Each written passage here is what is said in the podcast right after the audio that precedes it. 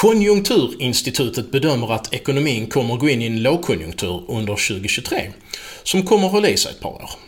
Det innebär förstås att svenska verksamheter står inför en rad beslut relaterade till detta. Bland annat om hur man ska tänka kring hälsosatsningar. Ska man strypa, eller rent av satsa? Eller vad skulle det innebära om man gör en metodisk situationsanpassning? Detta pratar vi om i veckans avsnitt. Jag heter Patrik Friberg, hälsokonsult med över 20 års erfarenhet och jag driver hälsoprojekt för bättre personalhälsa och föreläser. Detta är Hälsa och företag, podden för livsstilshälsa i arbetslivet. Nu kör vi!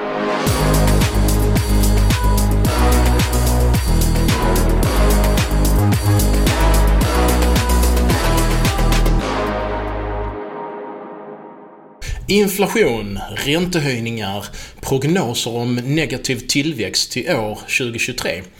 Konjunkturinstitutet bedömer att ekonomin kommer att gå in i en lågkonjunktur under 2023 som kommer hålla i sig till 2025. Hur bör detta påverka din verksamhets hälsosatsning? Den eh, första ansatsen vi kan ta för att svara på denna fråga är att titta på hur hälsan kan påverkas i perioder av ekonomisk nedgång. Det vi finner är motstridiga resultat. Det är å ena sidan naturligtvis inte gynnsamt för hälsan att oroa sig över sin anställning eller sin privatekonomi eller omvärldsläget för den delen. Samtidigt finns det forskning som visar att både mindre ekonomiska nedgångar och rena lågkonjunkturer kan förbättra den fysiska hälsan och minska mortaliteten. Man kan till exempel läsa om detta i tidskriften Health Economics i novembernumret 2016 i en artikel med titeln “Health Effect of Economic Crisis”. Tidningen Arbetet citerar också forskning 2017 som visar att man sover mer, äter hälsosammare, stressar mindre, rör sig mer och brukar mindre alkohol och droger i tider av ekonomisk nedgång. Emellertid kan det finnas socioekonomiska skillnader i hur bra man klarar en lågkonjunktur hälsomässigt. Den andra ansatsen vi kan ta är att fråga hur just din verksamhet drabbas av en lågkonjunktur. Är ni en offentlig verksamhet med stabil finansiering eller tillhör ni den del av offentlig sektor som kommer att möta neddragningar? Är ni ett företag som kommer att få kämpa för er överlevnad eller tillhör ni rent av en bransch som går bra under lågkonjunktur? Eller befinner ni er någonstans däremellan? Om eh, er verksamhet inte är i akut kris så kan det vara en god idé att undersöka hur behovet ser ut på just er arbetsplats. Eftersom forskningen är motstridig och inte kan motivera något generellt råd åt ena eller andra hållet är den klokaste lösningen kanske att göra en arbetsplatsspecifik behovsanalys. Att eh, göra en hälso och levnadsvaneundersökning kan vara en mycket god idé under en period av ekonomisk nedgång. På så vis så får ni reda på hur konjunkturen påverkar just era medarbetare. Lider de eh, av till exempel stress på grund av privatekonomisk oro? Eller är det så att de tvärtom har bättre hälsa, till exempel på grund av en minskad arbetsbörda som har lett till mer återhämtning och mindre stressproblematik? Genom att ta reda på fakta så får ni ett underlag för att genomföra ändamålsenliga satsningar i rätt omfattning. Det är värdefullt att få detta underlag för att kunna vidta åtgärder mot eventuella hälsorisker. De kan annars bli mycket kostsamma. För individen i form av ett stort personligt lidande om utmattning eller utbrändhet blir fallet och eh, ekonomiskt för verksamheten när den förlorar värdefull arbetskraft och måste arbeta med och delvis finansiera individens ohälsa. Om ni finner att hälsoläget på arbetsplatsen motiverar en hälsosatsning så är det extra viktigt under lågkonjunktur, när hotet från röda siffror är påtagligt, att välja effektiva insatser. Välj bara leverantörer som kan visa hur deras insats faktiskt åstadkommer en förbättring av de hälsofaktorer som er verksamhet behöver förbättra. Det är tyvärr mycket vanligt att företag inte väljer friskvårdsinsatser som eh, med precision kan eh, leda framåt. Och lika vanligt att inte utvärdera satsningarna. I tider av ekonomisk nedgång kan det därför vara lockande att helt enkelt strypa sådana satsningar. Satsningar då med oklar hälsoförbättrande potential och oklart investeringsvärde. Men ett bättre alternativ kan istället vara att öka vår kunskap och kontroll över satsningen så att investeringsvärdet klargörs. Uppgradera från satsningar med diffusa effekter tills dess hälsooptimerade motparter. Det kommer fortfarande kosta, men det kommer ha mätbart positiva effekter på både personalhälsa och ekonomi och inom kort betala sig.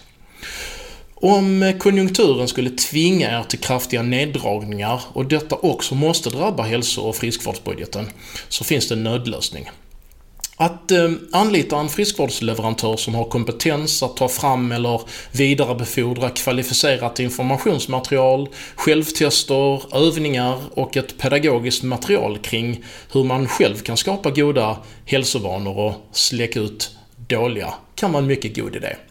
Det här materialet kan i portioner distribueras till de anställda och då ger man sina medarbetare chansen att på ett mycket kostnadseffektivt sätt kunna bidra till sin egen hälsa och sitt välbefinnande även under en period då verksamheten saknar pengar till mer omfattande hälsosatsningar.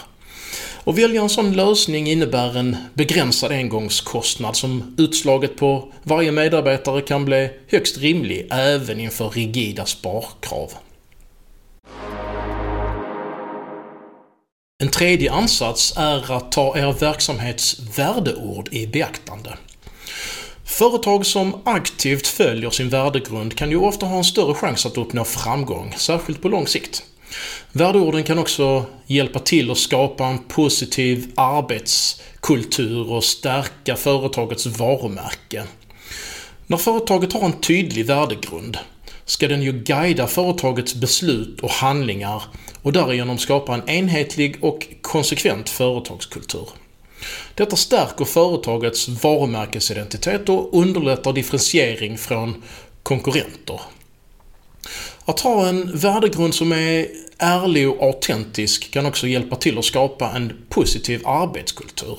Om företaget visar att det bryr sig om sina anställda kan det öka motivationen och engagemanget hos personalen och därmed minska personalomsättningen. Har din verksamhet värdeord som handlar om medarbetarenöjdhet? Till exempel i första hand ord som hälsa, balans mellan arbete och fritid, hållbarhet, men också till exempel respekt, trivsel, arbetsglädje och engagemang. I så fall så har ni chansen att manifestera orden inför personalen genom att i dessa tider av omvärldsoro och privatekonomisk oro ta reda på vad medarbetarna behöver och sjösätta en genomtänkt hälsoplan eller stärka den ni redan har. Sammanfattningsvis. Forskningen om hur lågkonjunktur påverkar yrkesaktivas hälsa är motstridigt. Därför är det ett bra tillfälle att göra en hälsoscreening med livsstilsfokus eller så kallad hälso och levnadsvaneundersökning och ta reda på hur just er personal mår. Det är ett bra tillfälle att frångå hälsosatsningar med oklara hälsoeffekter. Dra inte bara ner, utan uppgradera till hälsomodeller som har förutsägbara positiva hälsomässiga och ekonomiska effekter. Kämpar ditt företag för sin överlevnad? Köp du in kvalificerat informationsmaterial, självtester, övningar och ett pedagogiskt material till personalen så gör du ett minimum till en låg kostnad per anställd.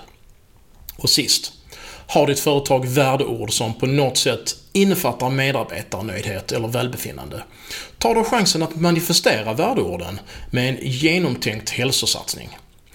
Tack för att ni lyssnade och hör gärna av er. Jag finns på patrikfriberg.se, Patrik med C. Glöm inte dela avsnittet till dina kollegor. Är du jättesnäll. Vi hörs nästa vecka och ha det gott.